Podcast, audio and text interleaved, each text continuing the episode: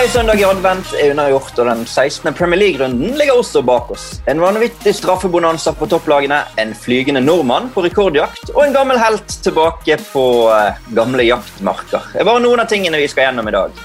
Svart senker natten seg. Det er Lucia-dagen 13. desember og eh, elleve dager igjen til jul. Velkommen, Espen Ween. Takk skal du ha. Har du hatt en fin helg? Det blir ikke noe lussekatter for meg. altså. Forferdelig, uh, forferdelig bakst. Og, det er sagt. Ja, det var... Nei, det liker jeg ikke. Overraskende kritisk av deg på starten her, det, det må jeg si. Ja. Men uh, vi skal ikke sitte alene her i dag. og dere som hører på, hører kanskje at vi sitter ikke sammen i dag. Vi er tilbake på disse digitale kanalene våre, men sånn er jo verden blitt. Men uh, vi har fått med oss en gjest som virkelig er aktuell for tiden. må han jo si. Uh, komiker, programleder, skuespiller og Liverpool-fan Henrik Elvestad. Velkommen. Takk, takk, Helge. Veldig hyggelig å være her, selv om det er Zoom, eller uh, altså digitalt. Ikke helt det samme, men det er greit. da. Det, det er greit. Du er jo aktuell flere flater for tiden. Nå er jo den karakteren din Timothy Dale røk vel gjerne tidlig i denne nissekalenderen. Nå jeg skal ikke spoile noe, jeg kan komme tilbake. Jeg er Aktuell på TV Norge der. Ja. Men først og fremst i våre øyne nå endelig igjen aktuell på TV 2. Det er jo veldig gøy. Ja, det er kjempegøy. Det er jo uh, flott å være tilbake igjen på, på TV 2. Og med en serie som jeg har gått svanger med lenge, som jeg har gleder meg til å få lansert. Idrettsforeldre. Så det er, uh, det er gøy. Ja, har du sett noe av idrettsforeldre, Espen? Du er jo idrettsfar sjøl, ikke du det? Ja, og jeg tenker det der må jo være et utømmelig materiale. Uh, nå er jeg bare idrettsforelder på fotballbanen, men uh, jeg har sett nok i løpet av de siste tre-fire åra til, til, å skjønne at her er det potensielt mye humor. For å si det pent. Det er det. Det er nok å ta. Så det er uh, Ja, det er mange, mange, Noen karakterer ute allerede, så håper jeg det kan bli flere. For det er jo det er litt sånn utømmelig brønn. Til, nå er det kanskje noen som hører på som ikke vet hva opplegget er. Kan du si kjapt om det, Henrik? Bruke liksom litt tid på å promotere deg sjøl og det som ligger på TV2 Play? Da. Ja, når, vi først, når først er her og får ja. promotert på TV2, og det er man gode til på den kanalen her, egenpromotering. Men uh, Så det er jo da jeg som spiller hele syv ulike idrettsmammaer og pappaer. Primært pappaer, det er fem fedrekarakterer og to damekarakterer. Så det er jo da et humordrama hvor man følger uh, disse foreldrekarakterene som jo uh, går stort sett hånd i hånd med sine unge håpefulle gjennom en idrettskarriere. og Med ulikt ambisjonsnivå og tilnærming. Så, men det er klart at det er jo det er jo ofte en, i utgangspunktet overdrevent ambisiøse foreldre, dette her, som det jo gjerne er i barneidretten, som gjerne lever ut sine egne ganske havarerte idrettskarrierer gjennom unga. Mm. Hvem tror du Magne Eriksen heier på i Premier League? Magne Eriksen er vel typisk sånn at han ikke har noe Premier League-lag, men han har et eller annet han har Luton eller noe sånt. Ja. Litt fra gammelt av, tenker ja. jeg. Ja, det er nok noe sånt. Ja. Jeg får meg et par av de der som kanskje Liverpool og Manchester United-supportere. Han eh, Helge jeg husker ikke hva han heter etternavn. Han eh, liker veldig godt at du har med en Helge, forresten. Det tar jeg litt som en sånn omasj til, eh, til vårt ja. samarbeid på Golden Goal. Ja, e-sportpappaen, du tenker det? Ja. Du, du, ser, du, ser, mye av deg i han. Nei, det, det, det. Nå skal du være forsiktig, Helge. Kun navnet. Ja, men det er veldig bra. Um, jeg tror vi skal komme i gang med runden. Jeg liker å, gå kronologisk til verks, selv om uh, kanskje ikke de største kampene kom til Ja, ja, det var bra, bra kamper på lørdag, men um, fredag startet runden denne gang. Fredagskamp igjen med Brentford, Watford. og Brentford er jo Jeg syns alltid det er gøy med de Brentford-kampene. De har liksom laget en helt egen ramme på ting og kommet opp som et friskt pust. Og, og, denne var viktig, den seieren for dem.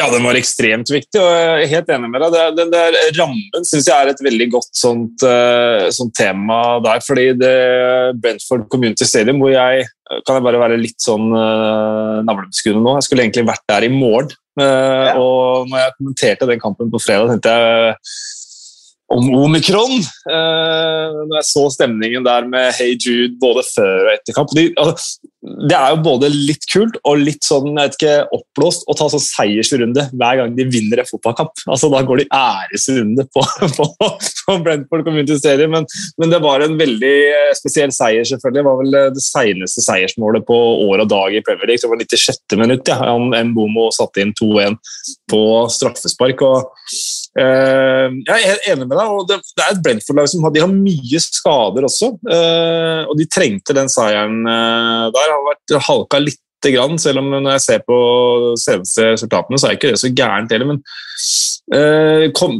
veldig sånn opptur med den første seieren mot Arsenal, så har det egentlig dippa bitte lite grann. Men jeg er imponert over dem. Altså. De, de, får opp spillere og klarte seg, måtte klare seg uten Ivan Tony, noe som er veldig viktig for dem. Vant likevel, så, så Brentford de, de, er absolutt med for å de, de, er enn, de, er der for mer enn to make up the numbers, som de sier der borte.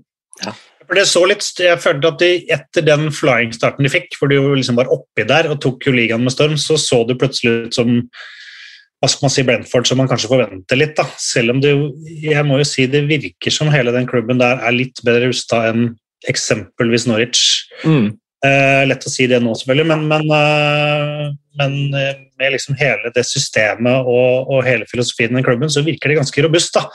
Men samtidig følte jeg nå at oi, nå har proppen gått litt ut etter en god start. Så det er viktig å få den her. Også en sånn seier hvor du kommer to seine mål. da. Mm. Utligningen kommer Så det er blytungt for Watford, uh, og tilsvarende digg for, uh, for, Brentford. Så det er uh, Jeg var helt sikker, eller litt sånn sikker på at de kommer til å ryke ned igjen, men ja, såpass raskt skifter det her at jeg ikke. Nei, det, det, skifter raskt, men det føler jeg det gjør med alle lag vi snakker om, bortsett fra de som er i toppen. Men Du nevnte det, Espen, de skårer på overtid. et, et nyopprykket lag som skårer seiersmål på overtid, det er ikke så ofte. altså det, Jeg leste et sted at var det Wiggen i 2006. De hadde liksom tre ganger da, i løpet av mm. opprykkssesongen skåret seiersmålet på overtid, og det er det meste som har vært siden den gang. Liksom. Og nå har Brentford aldri gjort det to ganger. da. Så det er på en måte det å komme tilbake der og liksom snu ting på slutten er bra. Og så var det en annen stett der som jeg bare må nevne. De ti første målskårerne til Brentford på hjemmebane på Brentford Community Stadium har vært ti forskjellige målskårere. Altså ti mål på hjemmebane, ti forskjellige målskårere. Det er litt sånn her, Nå var det Jansson og da Mbuemo som endelig skåret på, på hjemmebane. Han har hatt eh, noen i stolpene, så, så de har jo en bredde der da, eh, som ikke så mange andre lag, nyopprykkede lag kanskje kan vise til. I hvert fall At de tar nivået med en gang når mange spillere på en gang. Ja, Absolutt. Er det styrke med ti forskjellige målskårere da? Jeg vet ikke helt, ja, egentlig. det, det føles litt tilfeldig, kanskje òg, men ja, eh, At det var hjemme, da. De har vel, han, Tony har vel skåret bort alle forskjellige. Ja, han må jo ha skåret mange. Han er, ja. Watford da, altså de slo Manchester United 4-1 og fikk fjernet Solskjær. og Siden det så er det fire strake tap. De har riktignok uh, møtt et par tøffe lag der, men uh, dette Ranieri-prosjektet ved en uh, Hvor sikker er du på at han sitter ut sesongen? Nei, I Watford så kan du ikke være sikker på det, selv om jeg egentlig skal, Man skal sikkert ikke si det, men jeg, jeg liker litt det Watford-prosjektet. Det Pozzo-familien driver med. De gjør det på sin måte. og når de er i Premier League stort sett hver sesong, og når de rykker ned, så rykker de rett opp igjen. Så, så det, er det vanskelig å kritisere det, syns jeg i hvert fall. Men uh, jeg tror jeg tror eh, Claudio sitter ut sesongen. Det er ikke noe hårete bedt, føler jeg. Men, men, de har jo det er som du sier, de har hatt noen tøffe kamper. Da. De har hatt hjemmekampen mot Manchester United, mot Chelsea, mot Manchester City. og Liverpool, vel, under Claudio Ranieri. Det United var kanskje ikke så tøff, for det gikk jo veldig greit, men de tre andre der er, er, eh, er tøffe. Og nå kommer de inn i et sånt kampprogram hvor, eh, hvor, de, hvor, de, må plukke poeng. Hvis ikke så ryker jo selvfølgelig Ranieri igjen. Men eh, jeg tror han sitter ut sesongen denne gang. Vi får, vi får, se på det. Vi hopper til lørdagen, vi, der flere av de store lagene var i aksjon. Vi begynner på tidligkampen, som var Manchester City mot Wolves. og som Liverpool-supporter, Henrik, som, du har vel et lite ekstraøye til City sine kamper, selv om de på en måte lever litt sitt eget liv? Og... Ja, jeg har jo det, selvfølgelig. Så det, det blir jo i hvert fall til at man sjekker når det er uavgjort til langt ut i andre omgang der. Så, men uh, ja, man går jo og håper litt, men uh, håpet vel ikke at det skulle komme så mye derfra. Men det var plutselig muligheter. Men det, de klarte jo å grinde ut den seieren. da. De gjorde det. det jo, jeg føler kanskje det er tre ting å ta tak i her. Da. Det første er jo den utvisningen til Raúl Jiménez som ja. jeg, jeg, må si Det er deilig at han blir utvist, egentlig. For det, det, å være så i sin egen verden at du tenker at det der går greit Jeg vet ikke, Espen, hva tenker du? Altså, når du først får det gule kortet, da. Når du først ja, det... får det gule kortet, For det har han jo fått, og det vet han at han har fått.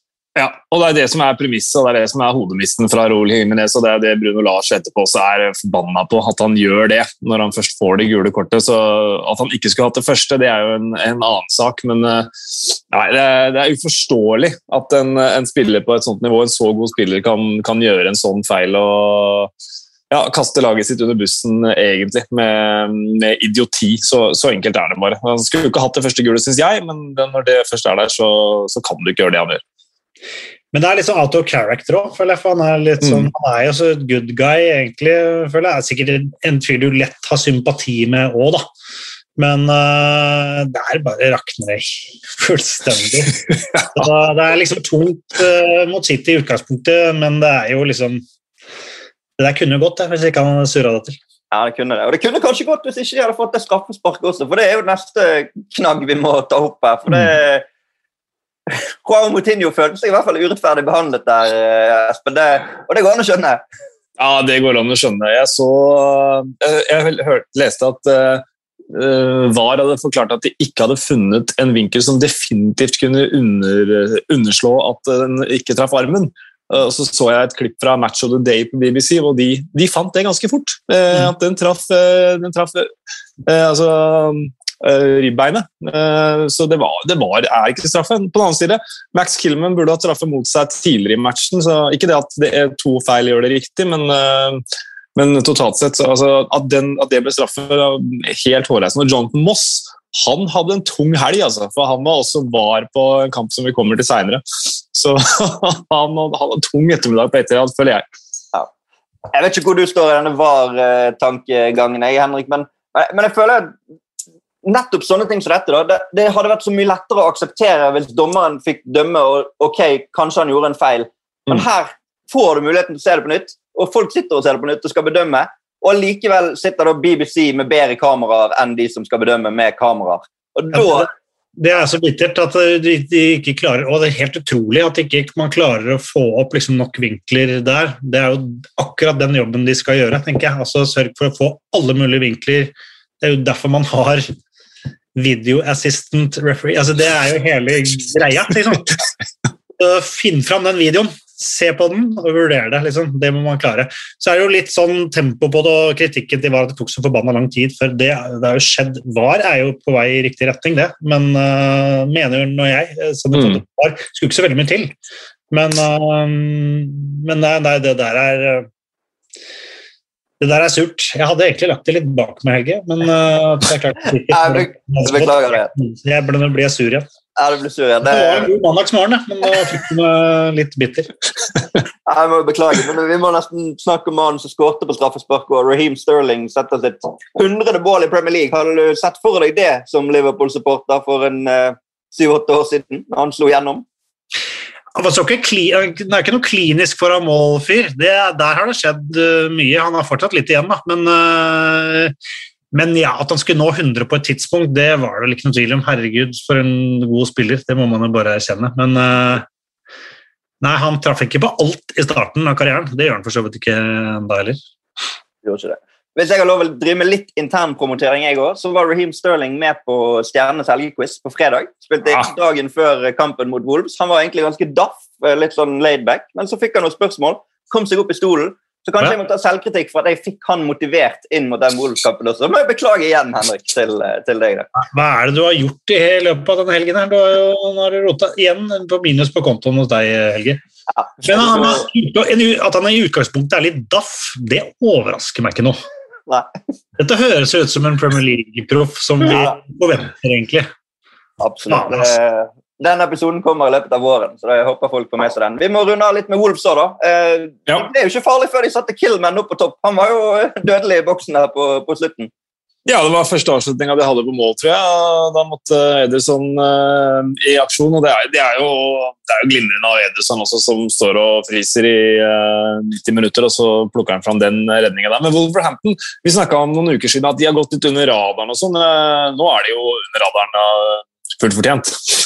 nå, nå, altså, nå, må du ha sånn sonar for å finne dem, føler jeg. Nå er det ett mål på de siste seks matcha. og Ja, nå ser det ut som de gjorde det bare litt dårligere enn innledningsvis. fordi Nå skaper de ikke så mye muligheter heller. Nå har de møtt tøffe motstand i to siste, men Burnley hjemme, Norwich borte, 0-0, 0-0 der. Nei, nå, nå, er de i ferd med Jeg syns de begynner å se litt ut som, som de gjorde under, under Spirito Santo når han og Lyft hadde gått ut av han. Så litt sånn alarmklokker syns jeg altså, på Wolverhampton nå. Egentlig veldig likt, føler jeg også, sånn som det var mot slutten med Nuno. Så de, de henter vel han tilbake nå. ja, ikke mulig det. Ja, det. Uh, Rund av bare med City, for det David Silvas efterfølgere, som han heter David Langhus på Twitter, har retweetet en tweet fra, fra, Premier League og nevnt oss der. og mener at vi bør nevne det, og det er jo for så vidt berettiget å si at Manchester City har nå vunnet 32 Premier League-kamper i kalenderåret 2021. Det er det meste noen noensinne har vunnet i løpet av et kalenderår. Så det er jo mektig det de holder på med. Men de har tapt seks kamper i året òg, faktisk. Ja, det, det, har han glemt i den statistikken der ute. Så det er, må balansere bildet litt. Nei, men det er klart Man må lete med lys og lykte for å finne noe sånn kalenderåret hvis man tar bort sånn og sånn og oddetallsuker. Så har faktisk ja, men Det er, det er hyggelig, det, på City. Selvfølgelig er det det. Det er det. Uh, vi går til uh, Liverpool, Aston Villa, Henrik. og uh, Altså, Alle Liverpool-kamper er jo unike, selvfølgelig, men det må jo ha vært noe ekstra spesielt ved å se Steven Gerrard uh, trene igjen på Anfield. Ja, det var vel kanskje det mest unike ved den kampen også. For det ble jo ikke noe sånn fyrverkeri av en fotballkamp. Uh, har vært bortskjemt sånn sett som Liverpool-supporter uh, i år. Men uh, nei, det var jo spesielt og rart, men fint at han fikk den hyllesten han definitivt fortjener. Så prøvde man jo å synge litt sånn hyllesanger underveis òg, men det ble liksom Det slutta man jo med. Og så kom de jo i gang igjen etter at kampen var over, for da var det liksom Nå kan vi hylle han igjen, for nå vant vi. Men uh, mm. Ja, det, det, er klart han skal hylles. Han fortjener det, Espen, etter eh, et, uh, en, en, nesten en hel karriere. Ikke en hel karriere, han hadde en liten tur til USA på slutten, men sånn i praksis en hel karriere på Anfield. så det er ikke mange som er større, da. Nei, det er det definitivt ikke. og det, det um, Jørgen Klopp fikk noen spørsmål etterpå om uh, etterfølgeren sin, og sa jo også at uh, han skulle ikke, Jørgen Klopp skulle ikke være der for alltid. og um, Han blir veldig glad hvis det er Steven Jarl som, uh, som tar over. og det, det, det, er jo skrevet i stjernen. Han var, var, vel litt trener der også for et av U, U, altså U18, U20, et eller annet sånt noe. Eh, men altså, en uh, legende er et sånt uttrykk som blir brukt uh, i tide og utide. Her er det definitivt i tide. Det, er, det er, en av de aller, aller største. Han fikk jo ikke det ligatrofeet, men det kan han kanskje få som manager etter hvert. Må vi passe oss så ikke vi gjør Henrik enda mer irritert. Jeg vil snakke heller om Mohammed Salah, som skårer igjen. Og dette ble jo også straffe. Spesielt nok så følger Liverpool opp med, med straffe, straffeskåring, de og det var jo straffebonanza i helgen, det var jo helt vilt. Mm. Og så mye liksom, uh, matchavgjørende straffer på de merkeligste tidspunkter. Men uh, ja, det ble jo han uh, til slutt. Det var, jo, det var, jo, på en måte en kamp Liverpool kanskje kunne avgjort før. Litt det samme man følte mot Wolves forrige uke. Heldigvis måtte vi slippe å vente til tre og et halvt på overtid og Origi før dette satt. Men, men, men nei, det men straffen er vel grei? Er den ikke det? Ja, I hvert fall ikke like omdiskutert som et par andre, kanskje. Men, men det er jo alltid denne Sala legger seg litt inn, faller. Det, det vil alltid bli diskutert. det. Og så kommer det an på hvilke øyne man ser med. Ja. ja. Jeg ser jo med mine øyne. Ja. Klokkeklar, selvfølgelig. jeg syns det er, jeg synes det er greit straffespark. Men, eh, men, jeg mener jo at uh, vi er heldige litt senere. Med, altså, alle som, der var jeg jo sikker, det, det var jo min spontane reaksjon. Faen heller, det der er straffe, liksom. For når han er ute og kåler og slår beina Eller han slår vel både ballen og beina litt vekk under Jeg Nå husker jeg ikke hvem det var, men, eh, men der lever vi jo farlig, da. Mm. Så, um, det føltes guffent, og det føltes eh, det er en kamp vi i utgangspunktet hadde ganske kontroll på fram til vi skårer, og så ser det jævlig åpent ut. Så guffen siste kvarter.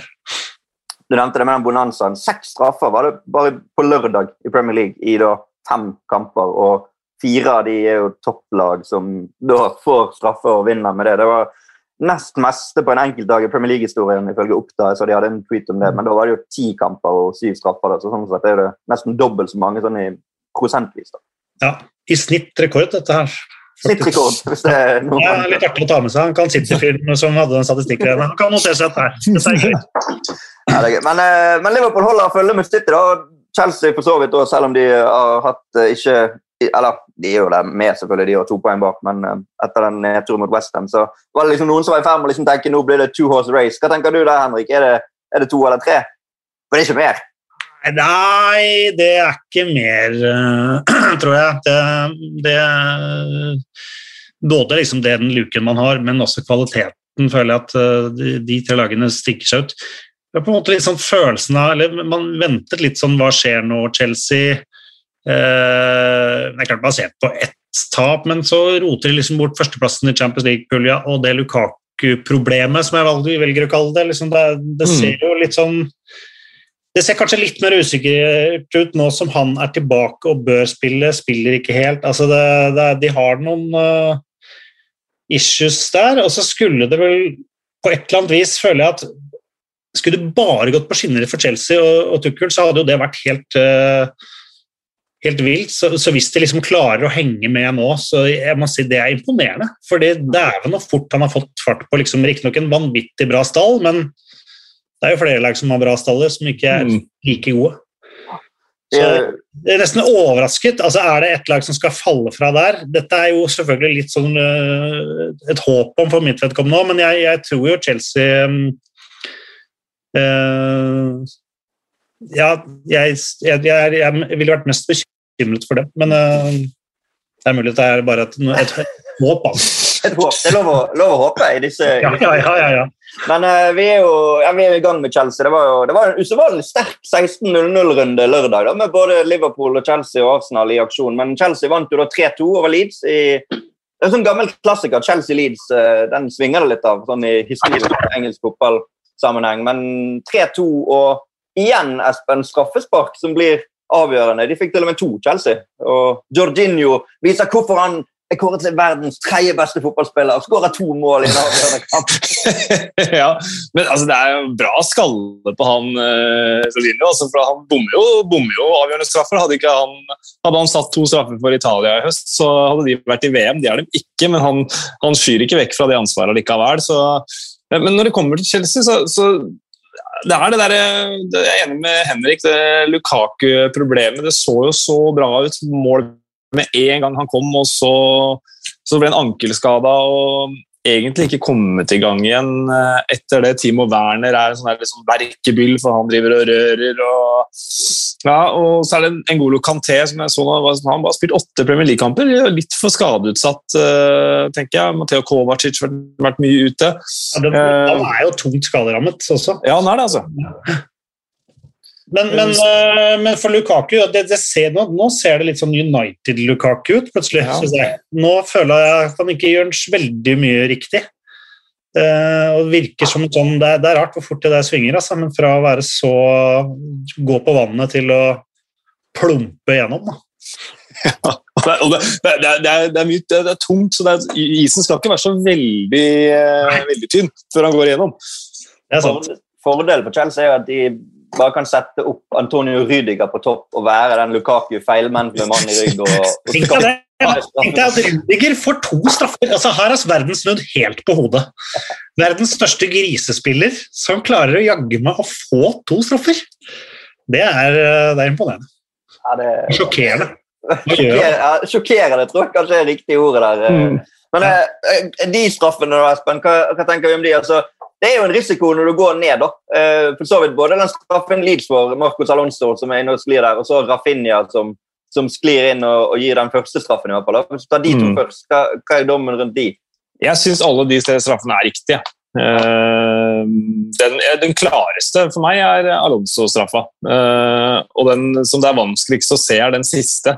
Men uh, Klich sparker jo foten til Rudiger, ikke ballen. Og det kan du ikke gjøre. Da blir det straffespark.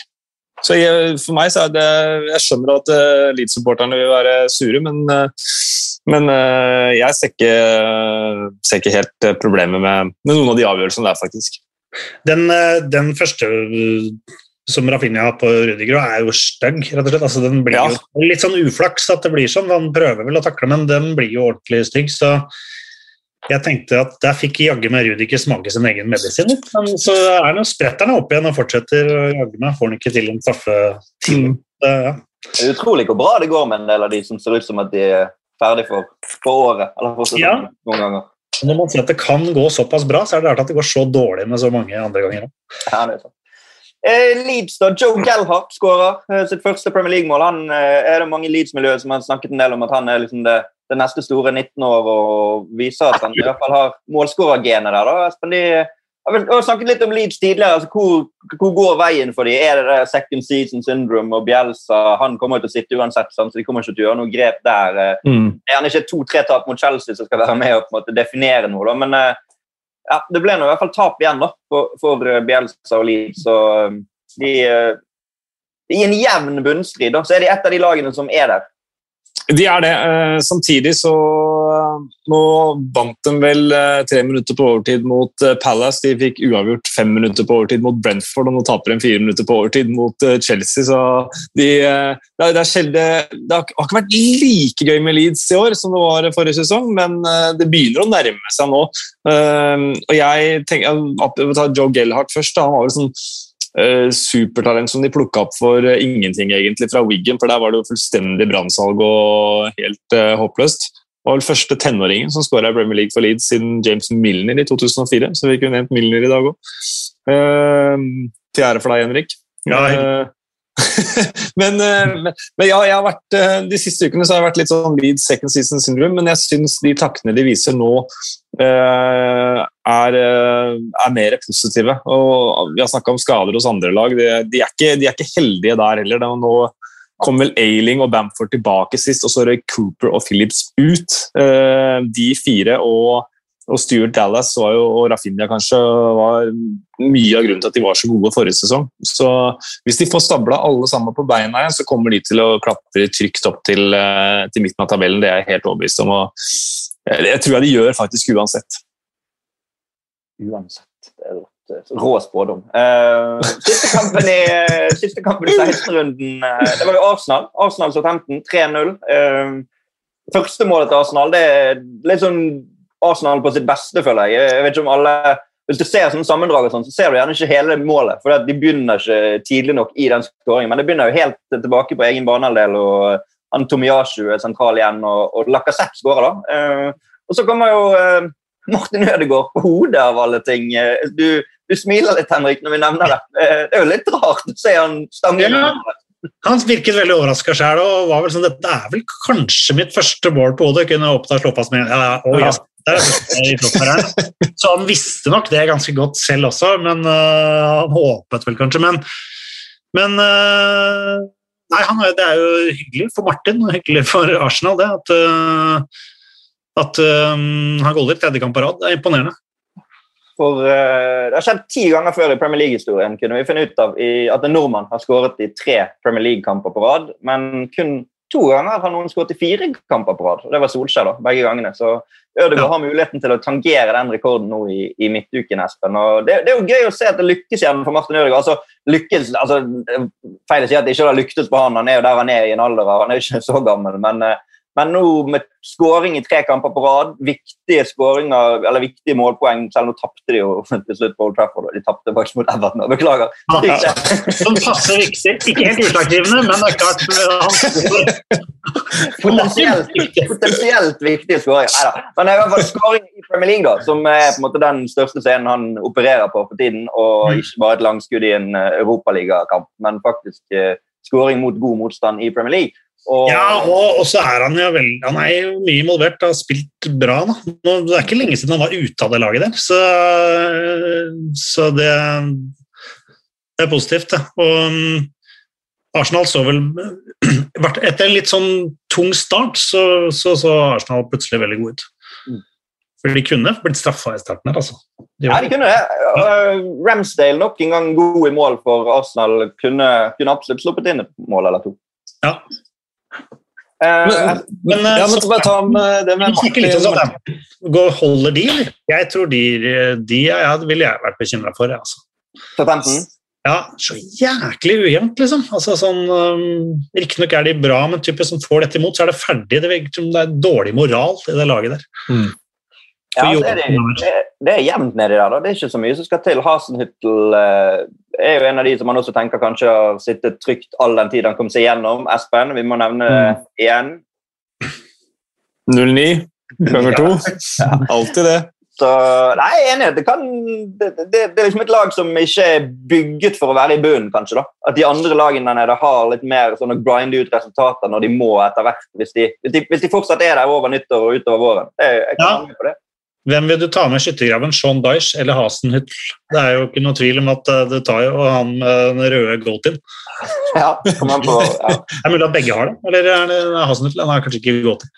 Nei, Ikke Hasenhyttel har, har tatt noen steg også sånn rent eh, estetisk. Han ser mye, mye bedre kledd ut, og sånn, men det har gått i takt med litt dårligere prestasjoner. så... Litt i overkant bra kledd, føler jeg. Ja, ja. Litt dårlig, altså Så bra at det blir dårlig. Altså Litt tacky, rett og slett. da. Østlig tackiness. Det ble ikke noe særlig mer tacky enn det. Ja, men til, til, til Southamptons forsvar da, så fikk de plutselig to skader på keeperne sine, så de måtte hente inn Willy Caballero. Det var, jeg bare så highlights og Hæ?! Hvem er det som står i målet der? Men så var det, er han, ja. Det er Caballero, ja. Så Gamle Chelsea-reserven. ja. Han, ja, ja, han sto i mål på Emirates. Det fikk jeg ikke med. Nei, Ja, nei, Det var jo hyggelig for Caballero. det hadde ikke jeg fått med meg før kamp heller. Men du, du ville si noe om Ødegaard der, Espen, før det druknet? Ja, det var egentlig bare litt sånn uh, utdrakt, eh, sær uh, stat. Han har jo skåret et veldig langdrygt, perfekt hat trick. Uh, for han skåret uh, mot Manchester United med høyrebeinet, mot Everton med venstre og mot Southampton med huet. Jeg vet ikke. Ja. Tror ikke han får med seg Ja, tre også en slags rekord for han Ja. City-statistikeren. Altså, er det dette her burde Ja, Verdens lengste hat-trick. Verdens. Perfekte. perfekte. Nei, men det er Gledelig at Ødegaard er tilbake og skårer mål. og Ganske effektiv. Det var ikke så mye spilletid. Fire Premier League-mål allerede denne sesongen. Det er ikke mange midtbanespillere i Premier League som er, har så mange mål å vise til på så lite spilletid. Så det er jo kjekt eh, med, med norske øyne, da. Eh, Ja. Før vi runder av Arsenal er eh, Pierre-Emerick Aubameyang ute igjen uh, grunnet disiplinærårsaker. Uh, Silje Svendsen spør oss på Twitter hva bør Arteta gjøre med Auba-situasjonen. Uh, vanskelig for oss her i Norge å ha fullstendig oversikt over situasjonen, så klart. Men det er klart at det er jo et eller annet der da, som ikke er som det skal være, og kapteinen i klubben uh, må stå over pga. disiplinære årsaker. Det, det, det er ikke bare god stemning, Henrik. Nei, det, jeg synes de har vært litt sånn heldige med kapteinen sin rettelig. Hvis du trykker tilbake til Sjaka og alt, liksom, så har det vært litt sånn feilvalg, kanskje. Men nei, det der er liksom bekymringsfullt. Hva vet man om mer disiplinærproblemer? Hva vil det si? Hadde han eh, Det Er er, det ut noen rykter om det? Vært på byen, eller mer sånn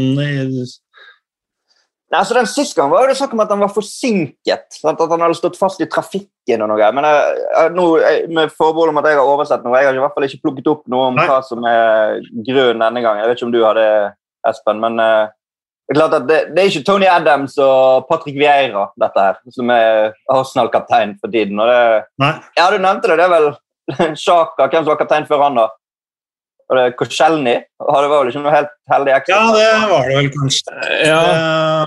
Og så- Og så var det vel Per Mertesaker før det som knapt nok spilte campus. og de, det, og det, det, Jeg går glipp, misser sikkert noen Arsenal-kapteiner, her, men de hadde jo sånn, under Emery så hadde de kapteinsteam da, med fem kapteiner. eller et annet sånt, noe. Shaka og Mayang var en del av dem. Men for å svare kort på det første spørsmålet, så kan, han kan jo ikke fortsette som kaptein. Det er jo ikke første gang han gjør det. Han gikk jo til frisøren, og ingen fikk lov til å gå til frisør i eh, England pga. covid. og Per Atle, vår kjære reporter, eh, satt med en eh, løvemanke etter hvert og var frustrert i Manchester, mens Aubameyang eh, ga flatt F i det. Så, men, så ser, Hvordan forventet Aubameyang at man ikke skulle bli busta at han har vært hos frisøren? da? Det er noe der. Altså, det er sånn, du har frisøren? Nei, jeg har ikke det. Jo, det har du. Se på sveisen din, du har vært hos frisøren. Ja, det har. Så det er jo en naiv fyr òg, men det er jo urovekkende at han for det første har vært såpass dårlig. da. Begynner, vi begynner med det, at Han har jo sett ukomfortabel ut på banen, og så kommer det disiplinære. Det der er ikke Han er ikke kaptein lenger, men det blir spennende å se hvem de velger som nestemann. Ja, det er det, ja, det er det jeg titter på nå. Hvem kan det være? Eh, for? Jeg tror dere har sett på kaptein nå i helgen. Ja, men Han har kontrakt som går ut, så det ville vært eh, peak Arsenal da, å utnevne ham til ny kaptein, og så forlater han klubben til, eh, til sommeren. Ja. Uh, Ja, Martin Ødegaard blir det jo ikke. Emil Smith-Roe, kanskje? Martin Ødegaard er jo landslagskaptein. Kanskje Kieran Tierney. Han er en fin type. Um, Målgivende Ja. til Ødegaard med hodet. Også tidligere Ronny Deila. Stor helg for Ronny Deila med to uh, hodeprestasjoner og en hodemist for han sjøl, kanskje, etter uh, slutt i, borte i USA der. Men uh, Ja, er Ja, men outside, outside dette her Sorry, sorry Henrik. Eh, Aaron Ramsdale Ja, han har, tatt, eh, han har tatt den klubben der med storm, og han har overraska meg særdeles positivt. Og du ser han har en eh, sånn tilstedeværelse.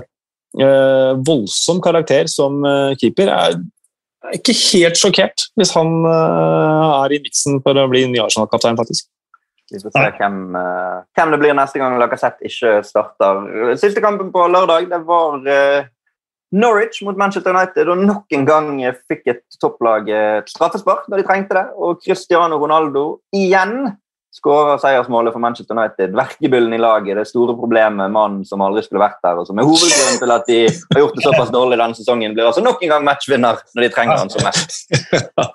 tenk deg uten han. Ja, Men da hadde ting vært på en annen måte. De Ja, selvfølgelig. Det er ikke sånn ren mappe. Men det er jo, eh, på måten du legger det fram, Helge, så er det jo en undertone der som jo er, kommer med rette, fordi Ja. han goller igjen, og det Ja, han så i hvert fall eh, Nå så jeg ikke hele den eh, kampen der, men virker som han har tatt litt tak da, i egen liksom Hva skal man si? Hvor sviktende den moralen vært? Men en annen måte å jobbe litt på. Jobbe på da.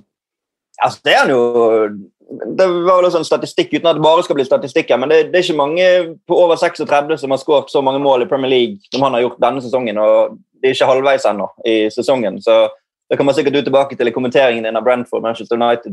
Din, eh, Espen. Du har den Det er mulig. sant? Ja. Ja, stemmer. Hvis, hvis det blir kamp. Hvis det Ja, blir hvis kamp. det blir kamp. Det, ja, for det er jo der. Det- Koronaen herjer visst i Manchester. Mm.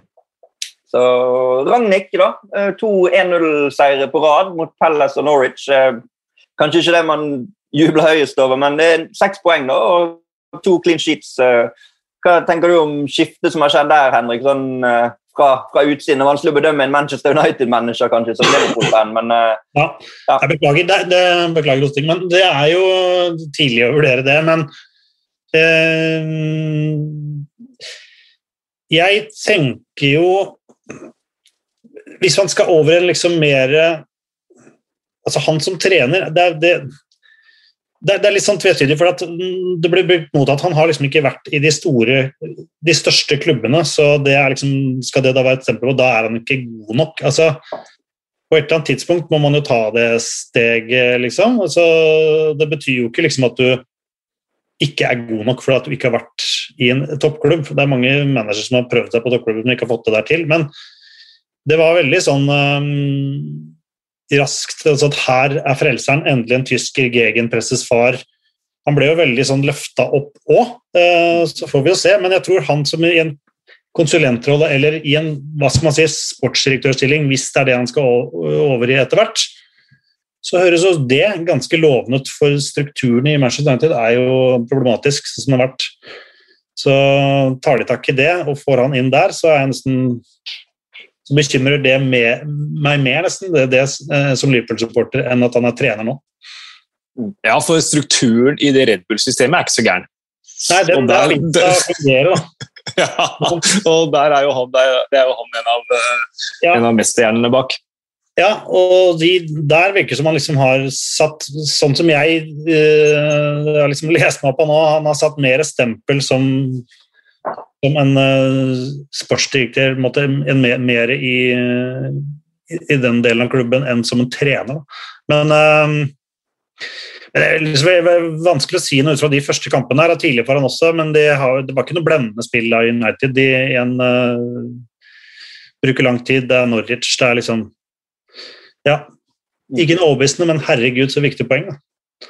Det De Gea Nå er de jo liksom, de er jo der nesten på fjerde, og DG er sinnssyk igjen. Altså, Ja, det var det jeg skulle si. at Vi har fått et spørsmål her fra Elling Harila, E. Harila på Twitter. David De Gea, verdens beste keeper? spørsmålstegn. Han har jo, han har jo blitt uh, nevnt som det før, og så var han plutselig verdens dårligste keeper. i hermetegn. Ikke Mm. verdens dårligste, men han er i hvert fall på vei tilbake til, til noen av de eh, eller noe ved spillet hans igjen da, som, som, gjør at han eh, ikke på humor kan nevnes i den diskusjonen, Espen. For han, eh, han, han har vært god for Manchester United nå når de har trengt ham. Ja, og det har jo vært, vært David De Hea de siste syv sesongene, minus kanskje den forrige og halve før der igjen. At han har på en måte båret det Manchester United-laget omtrent på sine skuldre og redda mye poeng. Og så en stat her at han nå har 160 Eh, clean sheets i eh, Manchester United. Det er 20 eh, opp til Peter Schmeichel. Han tar ikke det denne sesongen, her, men han kommer til å gjøre det.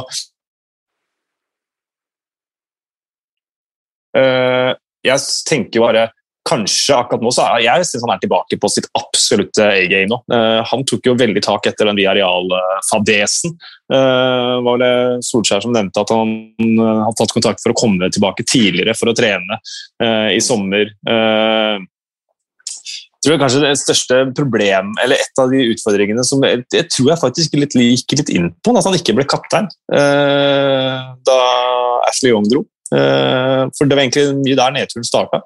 Uh, burde vært Manchester United-kaptein i, i, mine øyne. Så det, det, man trenger eh, hvis du sliter litt som keeper, det er å få deg en straffekonk der alle på det andre laget skårer på deg, og der du sjøl bommer på den avgjørende straffen. Så. Rock bottom, og så komme seg opp derfra. Så langt ned at det kan bare gå oppover. Ja. Nei, men eh, Viktig seier for Manchester United. Midtukekamp mot Brentford og nå bare ett poeng bak Westham i kampen om eh, fjerdeplassen. Så det er klart det er et lag der som har to hengekamper, men det er et lag som har for vane å ikke vinne de hengekampene de trenger når de kan henge seg på i toppen igjen. Så, eh, Hvilket lag, er du på igjen, Helge? Bare minne om det. er det vi er i, i Hva heter det? Nøytral? Ja, ok. ja. Eh, søndag Det var de du Ja. Ja. det er riktig. Uh, søndag uh, Jeg tror ikke det ble liksom labeled som Super Sunday denne gang, men uh, alle kamper er viktige i Premier League. og Tidlig kamp Burnley og mot Westham, som vi snakker om i denne topp fire-kampen. i hvert fall har snakket litt om, Men akkurat sånne kamper som dette er jo de de må vinne hvis de skal være med reelt sett i en sånn topp fire-kamp. For Selv om Burnley har tatt litt steg, så, så er 0-0 på Turf Moor ikke godkjent for et lag som skal til Champions League. Nei, eh, og nå ble jo den som du er inne på, Brighton-Tottenham ble jo utsatt. og Det var den egentlig den jeg skulle kommentere. og Så var det litt sånn eh, diskusjon om hva som skulle være hovedkampen. Om det ble Leicester, Newcastle eller eh, Burnley-Westham. Jeg meldte klink Burnley-Westham for, eh, for, eh, fordi Westham har vært så gode. Så vi, vi, treffer ikke på alt i livet. Eh, men, eh, men altså, Westham var, var, klart best. Jeg mener de skulle hatt et straffespark uh, når Craig Dawson blir uh, sparka ned av Dwight McNeil. Det fikk de ikke. John Moss i VAR-rommet, vet ikke om dere har sett den situasjonen. Men, men samme det. de var best, men ikke, ikke gode nok. og har, Skadeproblematikken er jo grei. Det er i det defensive, og der var de trygge. Men eh, Westham nå skal de på Emirates mot Arsenal neste runde. på onsdag. Skulle ikke funnet om de vinner den. Så jeg syns fortsatt de ser bunnsolide ut, selv om de skulle selvfølgelig Burnley borte en kamp du bør vinne hvis du skal henge med der oppe. Men eh, når du slår Chelsea og Liverpool hjemme, så henter du jo poeng henter du igjen, de poengene andre steder. Da. og Det ja. er de mer kapable til. Samtidig så er det det som gjør at ikke de får tatt akkurat det spranget vekk fra Manchester United, Arsenal, Tottenham, ja. de lagene som ligger bak. Da, hvis, du, hvis, du, ikke klarer å kapitalisere på at du faktisk har klart å vinne de andre kampene. Men uh, Godt poeng. Klopp var jo litt tilbake igjen, da. Uh, Burnley siste skanse, som uh, har vært jeg vet ikke han har vært dårlig, men han har ikke vært det han var. da. Han har ikke liksom vært den soleklart neste engelske landslagskeeperen som han i en periode skulle bli.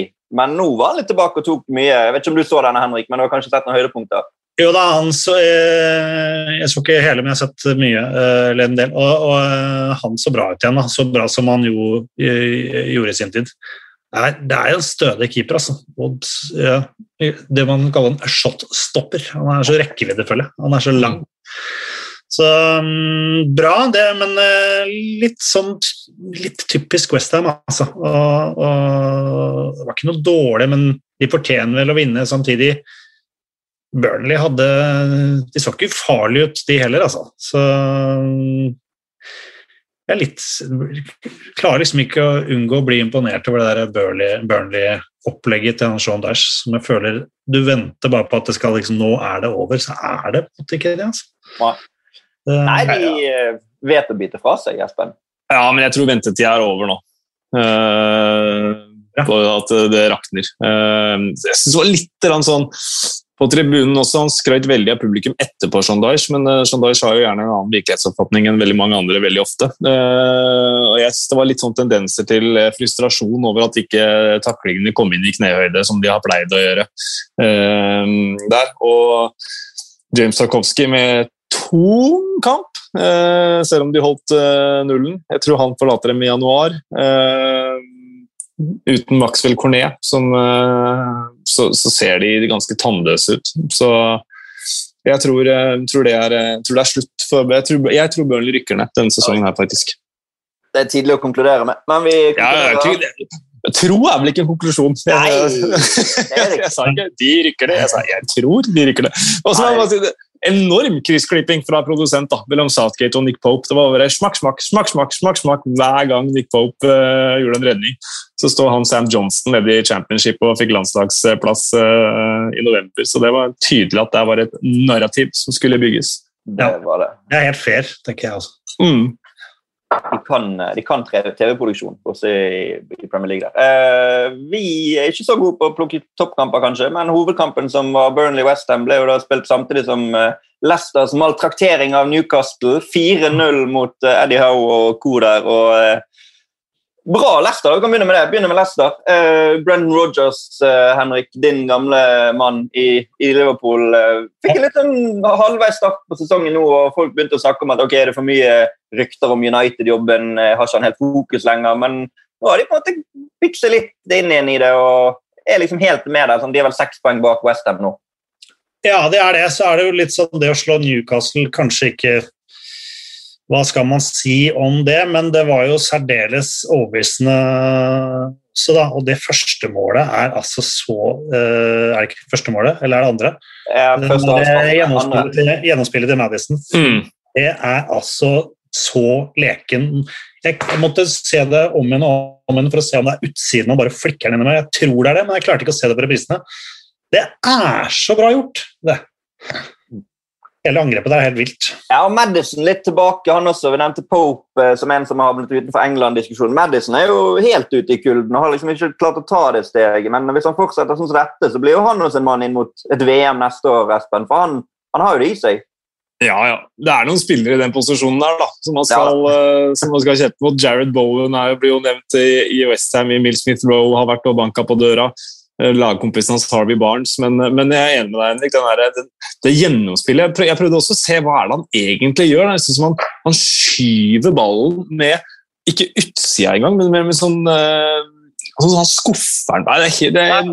Bare gå inn og titt på det. liksom. Det er, det er nesten sånn uvirkelig hva han egentlig gjør.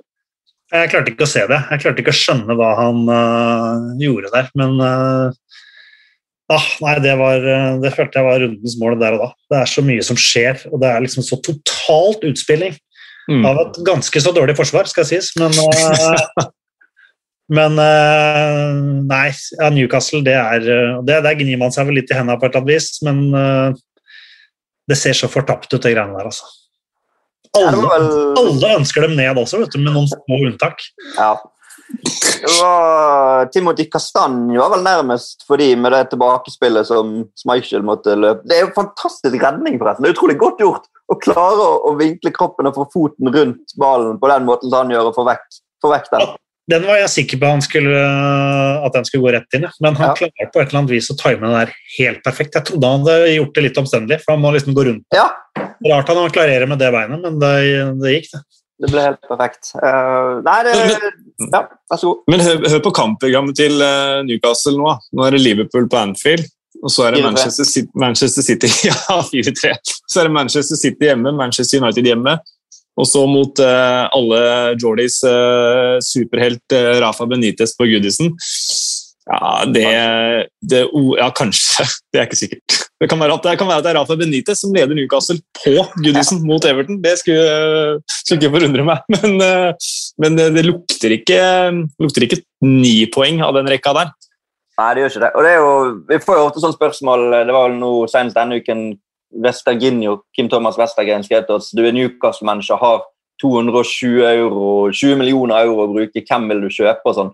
Men det er fremdeles såpass langt til januar at hvis de er helt hektet av Det vil det jo ikke være, men i hvert fall ha et ganske stort gap opp, da. Det har jo litt å si for hvilke spillere som ønsker å komme til klubben. Er det spillere som ønsker å bidra i en nedrykksstrid, eller er det bare sånn glory hunter som vil ha de oljepengene og sitte med de? For det, Går du til en klubb som rykker ned til championship, så gjør det noe med karrieren din. Da. Så Det, det er en litt sånn spesiell situasjon det der med at eh, det er kommet inn milliarder av kroner, og så er det helt umulig å vite hvilke spillere man kan hente fordi at klubben har ikke den samme appellen som man hadde hatt om det hadde vært en toppklubb, eller om det hadde vært på sommeren før sesongen mm. begynte.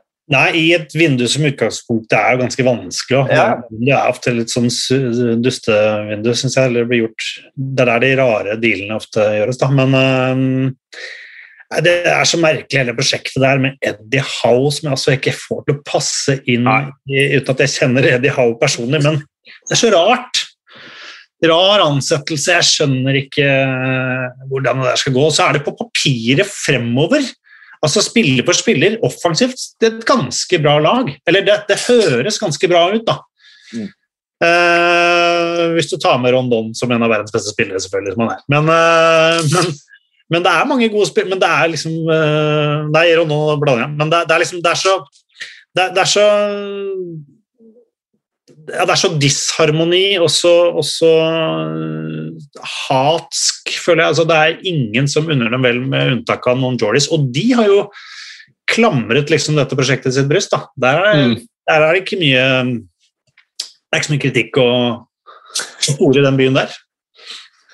Nei altså, Jeg tenkte jeg skulle spå en, klubb som i hvert fall ble delt på et eller annet vis, men det, det virker ikke sånn når du ser bilder fra St. James'. Det er, eh, det er helt topp med de penga, men det, der har du kanskje konsekvensen av Mike Ashley som har drevet så dårlig så lenge at du tar absolutt alt som er.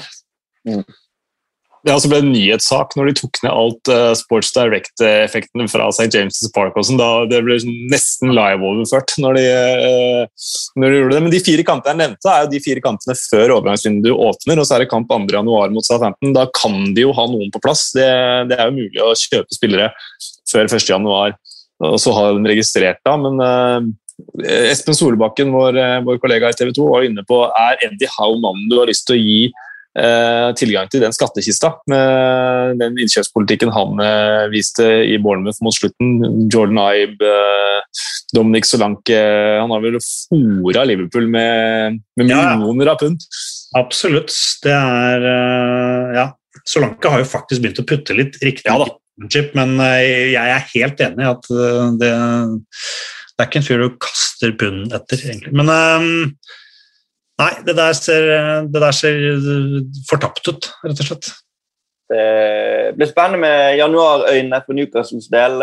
Det ble jo ikke noe kamp mellom Brighton og Tottenham. Antonio Contes lag er jo helt eh, på covid-kjøret og får eh, ikke spilt kamper. Får kanskje ikke trent. Vanskelig å vite hva som skjer med den Conference League-kampen som ble utsatt og kanskje ble avlyst. Og kanskje Tottenham ryker ut av hele Europa Conference League som resultat av det. Jeg tror, jeg tror ikke Conte blir veldig lei seg om det skjer. Nei. Selv om det er en mulighet for et trofé, så er det bedre for han å få trene i den midtuken, for det trenger det laget. Ja. Ja, jeg, tror det, jeg, tror det, er det det ender med, at de ryker. fordi det er vel I Uefa-sammenheng, så hvis du har 13 eh, spillere tilgjengelig, så skal du møte til kamp. Mm. Og det har de antageligvis hatt. altså 13 av 25 eh, pluss B-lista. Det, det, det, må de ha tilgjengelig. Sannsynligvis. Men så er det jo det med at uh, plutselig var det en ny som var smittet, og vi vet ikke hvordan det går med nestemann. Smitter det enda flere, og hvordan, altså, det, det, må jo være lov å si at man er uenig i den protokollen. Da, hvis det liksom absolutt. Sånn, nei, vi, absolutt. Men det er ganske heftig det kravet at du skal ha 13 spillere tilgjengelig. Det er ikke mye. Altså, det tenker jeg er fint. Da. Ja. Det, da har du liksom kanskje en reservekeeper og én til. Men, jeg tror to av de må være keepere. sånn at uh, må være keepere? Altså, må. Eller at ja. jo, jeg tror det. Altså, hvis du har to keepere tilgjengelig og 13 spillere, så må du møte opp. Men hvis du bare har én keeper, så slipper jeg, jeg vet ikke, jeg kan ikke den protokollen ut og inn. Men jeg er enig med deg, Helge. Den, den bør kanskje justeres, eller det bør være litt rom for tolkning. Ja, samtidig rom for tolkning. Da er det vanskelig. Det er det alltid noen som skal finne smutthull. Så vi går videre til Andrew Townsend-derby mellom eh, Crystal Palace og uh, Everton. Uh, det likte jeg, ikke. Ja. Um, vi har jo snakket mye om uh, Gallagher uh, for Crystal Palace denne sesongen. Vi kommer jo ikke utenom denne gang heller. Han, det som tidligere var one man team Wilfred Saha, er jo blitt one man team Conor Gallagher omtrent. For han er virkelig god, altså. Han er god, altså. Herregud. Det er uh, to mål Altså, nei, han ser Han ser bra ut, rett og slett. Han gjør det. Nei, altså han er jo på lån fra Chelsea, og det er jo på en måte skal han inn og, og, spille for Chelsea igjen allerede neste sesong. Det er klart at Chelsea har veldig mange gode spillere, da, men uh, Anders Hausvik De har jo halve fotball-Europa. ja, ja. det, det, er jo, det halve verden er jo eid av Chelsea, egentlig. Så det der er jo det blir en stor stall hvis alle skal tilbake og få prøvd seg litt. Det er, fall, eh, det er kanskje det man må ha nå når det er covid-restriksjoner som gjør at du mister eh, et helt lag, så kan, vi bare ta det andre laget og spille med det. Chelsea og neste sesong. Anders Høisvik spør er Gallagher den nye Lampard. Espen Wien. Det er kanskje litt drøyt, men han er i hvert fall god.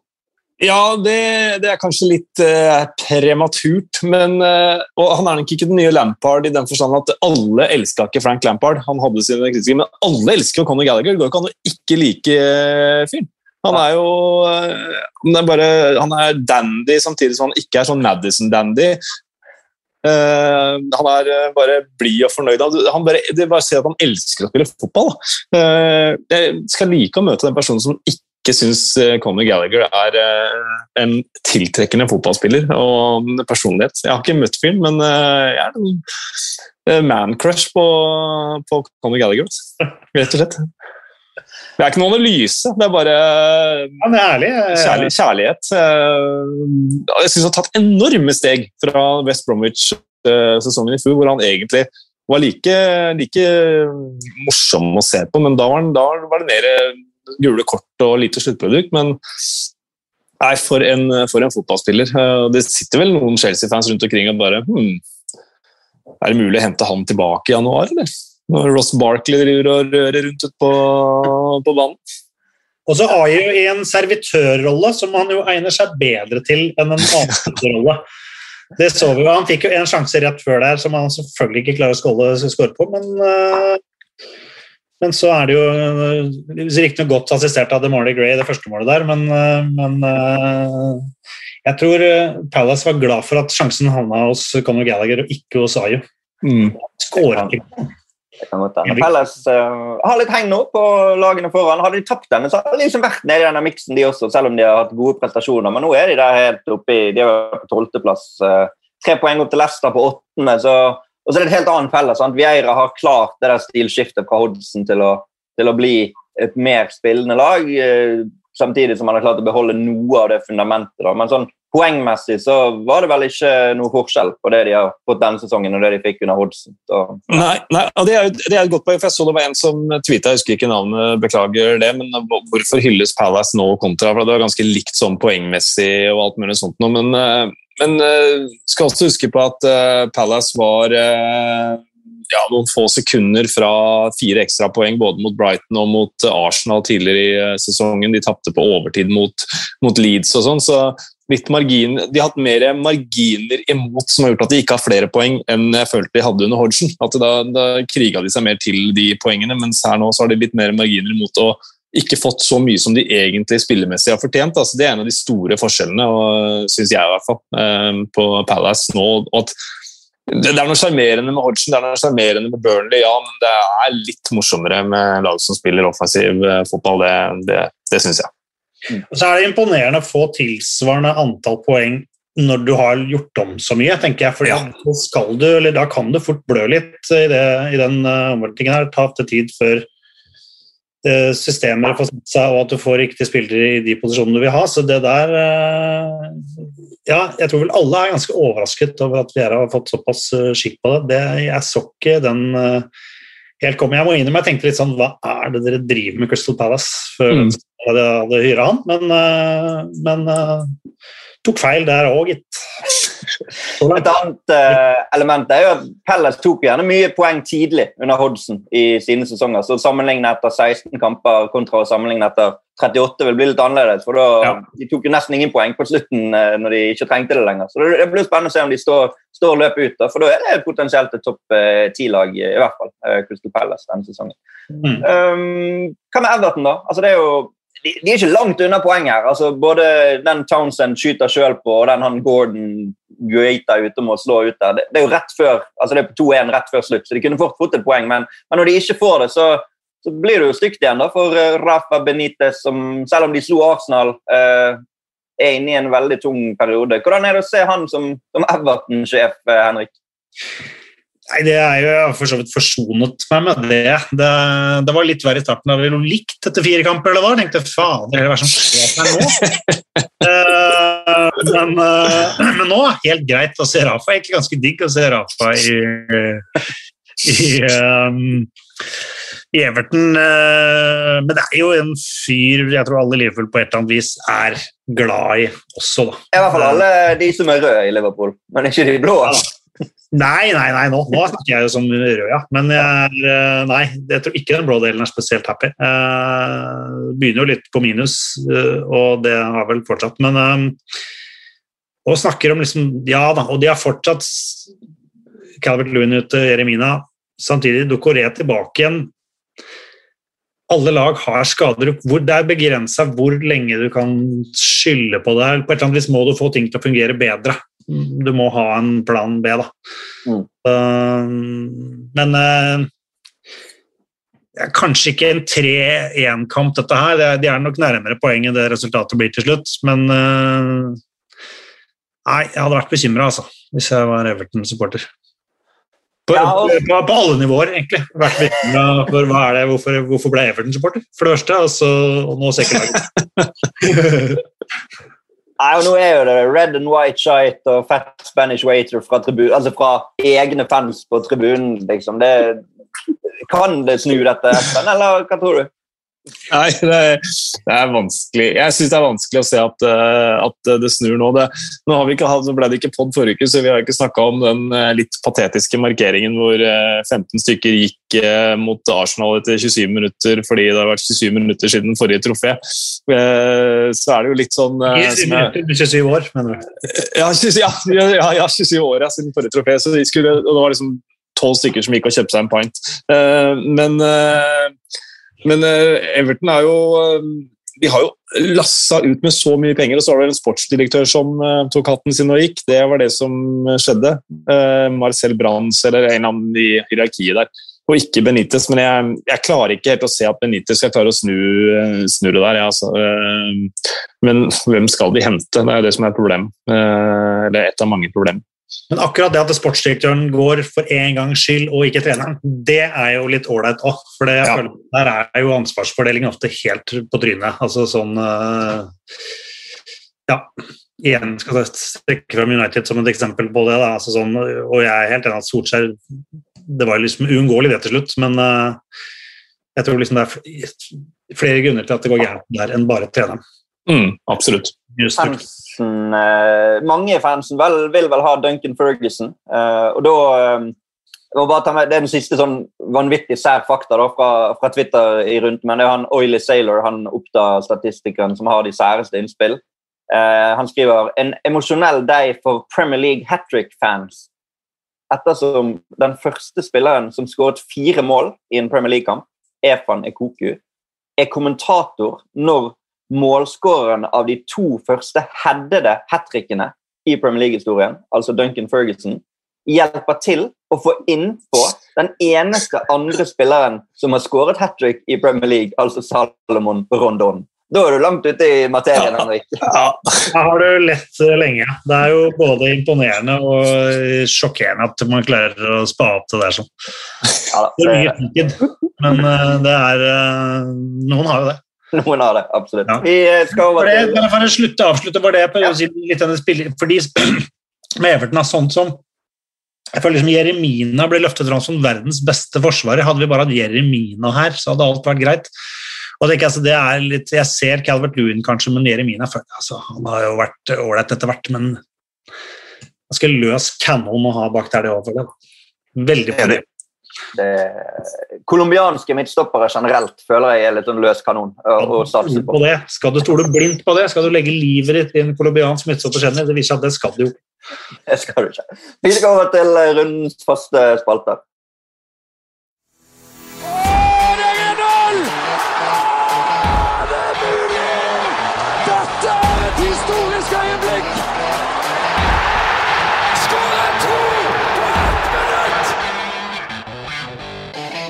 Vi kan eh, begynne med blomst. Skal vi gjøre det? Eh, den positive blomsten, ikke den kaktusblomsten. Ja, vi snakket om det. Var kaktus en blomst? Hva var det som ble konkludert med der, Espen? Det var Geir Sindre det, Breivik som hadde et eller annet rart ord som han mente at kaktus var.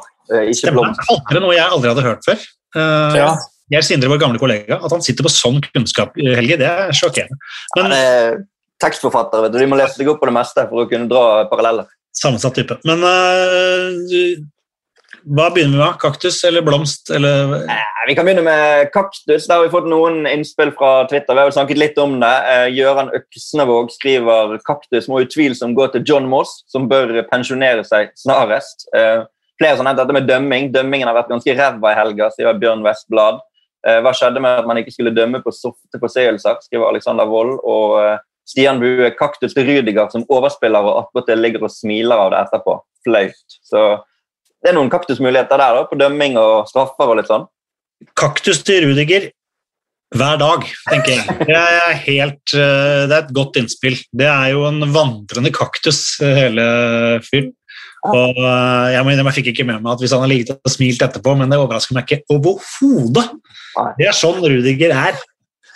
Mitt uh, innspill her var vel kanskje Aubameyang, som noen ganger er disiplinære årsaker. og Kanskje han kan kjøre seg en sånn kaktussveis. Han har sikkert hår til å få, få til det hvis han, eh, hvis han må. Jeg vet ikke, Har du noe, Espen? Nei, jeg, jeg, Det er jo så vanskelig, for det er jo som vi har vært inne på tidligere, han er jo så fin, virker som en så fin fyr. Men, Ja, det er jeg. Det er jeg. men hvem da? Ikke Aubameyang? Jo, jo. var sikkert fin fyr, han. Jo, kanskje han òg. Men jeg tenkte vel på Jimenez, Jimenez Å, da, ja. eh, som uh, gjør det idiotisk å stikke fram beinet der og tenke at det her kom jeg unna med. Uh, så selv om det er, gjør, litt, gjør litt vondt, så, så syns jeg det er det dummeste sånn ute på matta denne, denne runden. Det er det Jimenez gjør. Og så støtter jeg egentlig Aubameyang og kapteinen og disiplinære årsaker, og det er bare rør. Ja, Det tenker jeg er mer et overhengende problem. Da. Der er jo, Ja. det, Jimenez han er jo det kortslutter der og da. Ja. Men uh, det er ikke så ofte det gjør det. Aubameyang jeg det der uh, Der er det noe fundamentalt gærent. Da. Så uh, Jeg vet ikke hva han har gjort, men eh, jeg synes Det er veldig fint det bildet du tegner opp der. Jeg ser jo for meg Aubameyang sitte i frisørstolen nå og få modellert en kaktus. Eh, Gjerne med sånn rød sånn klump opp sånn grønn med sånn rød klump oppå. Har du sett de kaktusene her? Som er, eh, Mm. ja, det, noe sånt nå tenker jeg han går for. Tipper Geir Sindre vet et fagbegrep for akkurat den type kaktus. Også, hvis vi, hvis vi spør. Ja. Eh, ja, jeg vet ikke. Jeg gi den til Jimenez, da, som liksom er mer sånn øyeblikk uh, madness-kaktus. Uh, ja, vi, vi gir den til han. Uh, Rundens Ja. blomst. Eh, Chris Berber skriver eh, Marcus Rashford fortjener en blomst eller et eller annet. Har tydeligvis fått en forbannelse over seg som gjør at han ikke aner hva han skal gjøre med kula innenfor 16. Det er jo en type blomst. Eh, Jørgen Lillebø Hatland.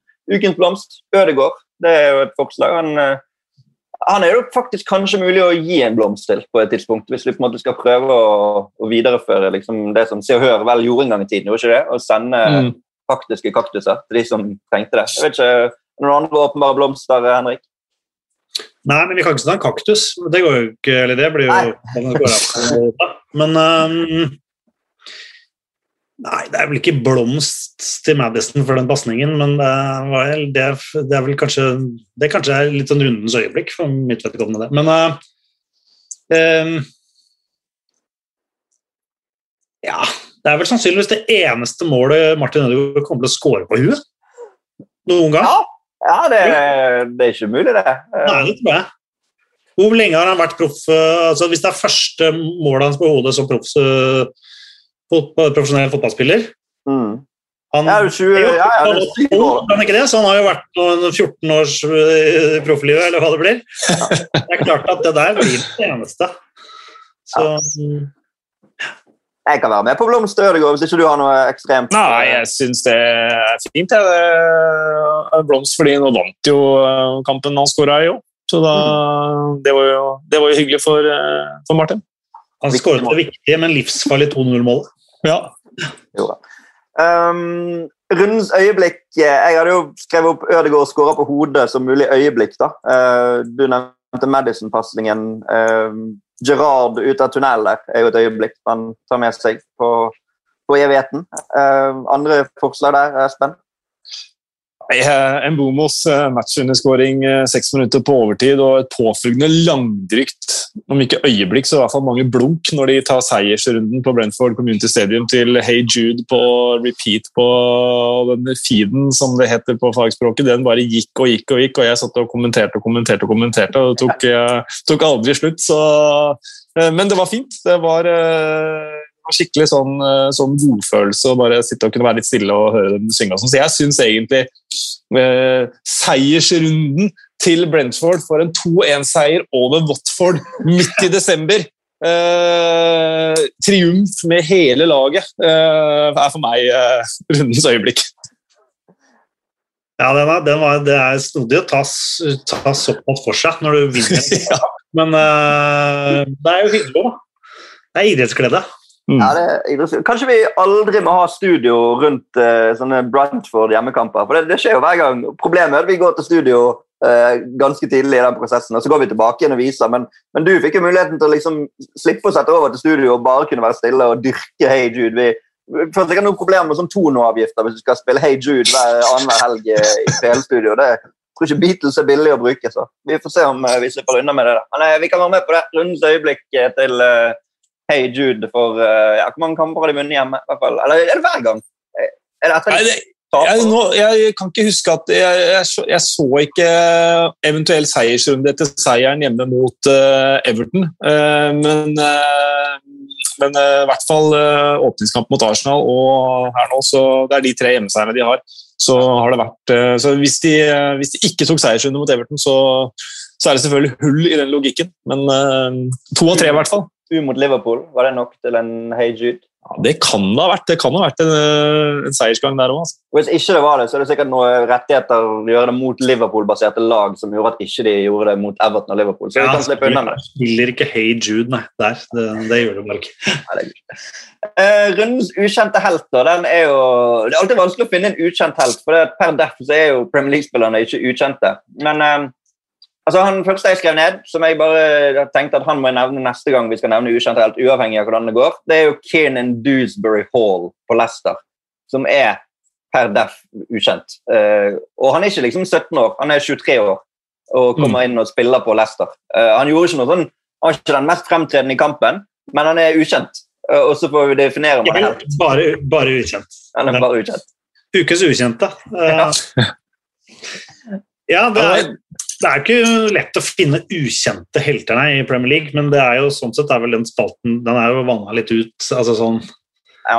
det, Man må jo liksom se etter litt andre ting, men uh, Men ja, skal han få for det, altså? Bare fordi at han har klart å plasse på et lag i en 83?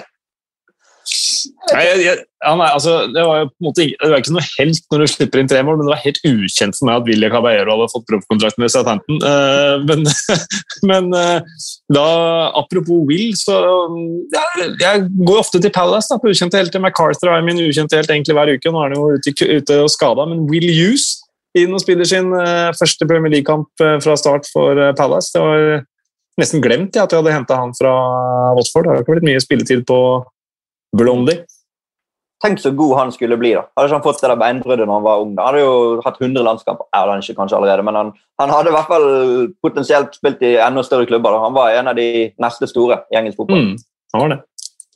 Det er vanskelig å finne ukjente altså Heltene på lørdagen var jo Raheem Sterling, eh, Jorginho, Mohammed Salah, Cristiano Ronaldo, eh, Martin Ødegaard. Altså, det er vanskelig å finne ukjente helter. da. Mm. Ja, Nei, det er um, Hvis du bare går for de som har scora, da blir det Gabriel fort som blir ukjent er Ikke så ukjent, han heller. Men um, Ayu, kanskje? Ukjent? Ja, ja fordi han hadde en, veld, hadde en veldig god kamp. Uh, han spilte fra seg ballen. Dette er jo viktig for Ayu å gjøre. Tilretteleggeren. Um, ja, kanskje det. Da Ja, jeg har ikke noe forslag, jeg, egentlig. Jeg, Aju, da.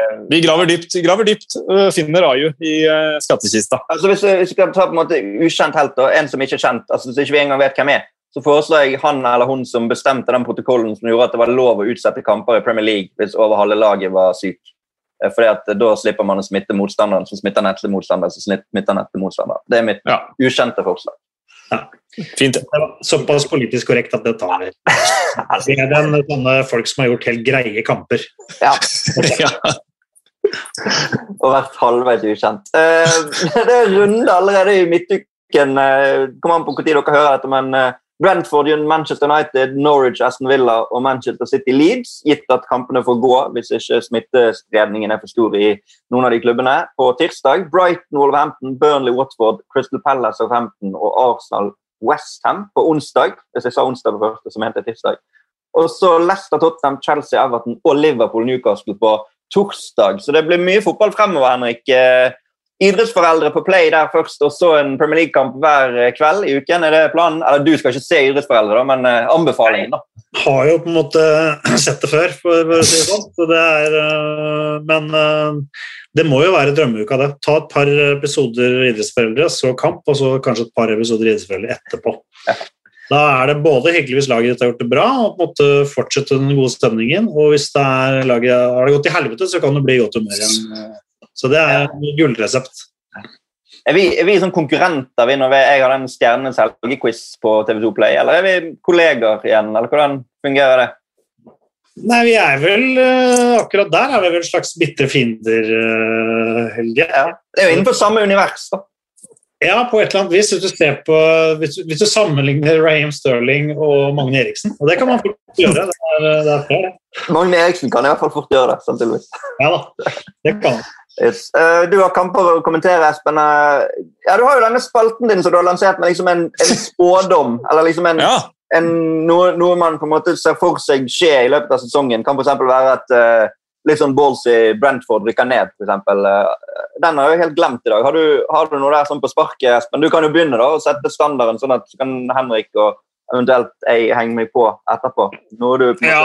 ut ifra helgen som har vært, kan, kan melde med litt ja, høye oddser på. Ja, altså det, Grunnen til det var fordi istedenfor sånn fem kjappe ord om å si ja nei, og så glemmer man det. Det her er sånn som kan, eh, som kan eh, sjekkes etterpå. og Foreløpig er det bare én spådom som har røket allerede. Det var eh, at um, Solskjær sitter til april, var Eivind Holt i United.no som kom med. Ellers så Jeg tror nok min eh, Min Matt Doherty får sin uh, revival. Jeg tror den er uh, ganske stein dau også. Uh, jeg har også Benteke på over tolv mål. Det går nok heller ikke. Så da klinker vi til med at Burnley rykker ned. Burnley rykker ned, ja. Ja, nettopp. Ja. ja, du virket sikker på det i sted også, Espen. Men ja.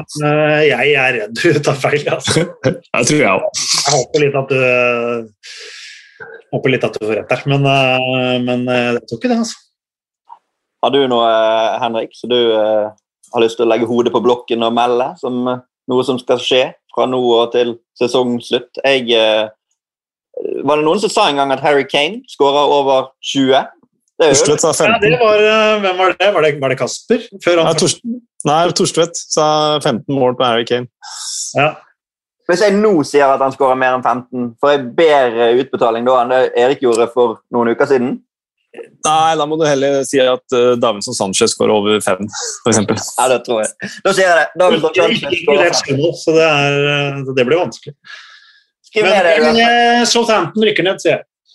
Yes! Southampton rykker ned, Brentford rykker ned. Eh, da får jeg si at Lars rykker ned. Da tror jeg at Everton rykker ned. Oi! Oh, oi, oi, oi. Men Brentford sa vi ikke. Vi sa hvis, uh... Nei, unnskyld. Burnley. Unnskyld, jeg sa feil. Jeg sa feil. Unnskyld. Eh, Burnley. Jeg tror jo ikke Everton kan det, men det var det mest måte, realistiske av de lagene som er ikke Burn- åpenbart. Burnley, Everton, Southampton rykker ned. Tenk deg det. Norwich klarer seg, Newcastle klarer seg. Dette her er, dette er solide odds på. Ja, det er det absolutt. Uh, vi runder av der, vi, tror jeg. Tusen takk til dere som har hørt på. og Takk til eh, moderne medier som har fasilitert at vi fremdeles kan gjøre dette. Og tusen takk til deg, Henrik. Alltid kjekt å snakke fotball. Håper du har kost deg. Jo, det har jeg selvfølgelig, som alltid. Så takk for at jeg fikk eh, ta turen innom. Ingen årsak. Og så gleder vi oss til nye episoder. Eller ikke nye episoder, men å se ferdig alle episodene av Idrettsforeldre på TV2 Play. Og Takk igjen til deg, Espen. Takk, takk. Vi snakkes. Ha det!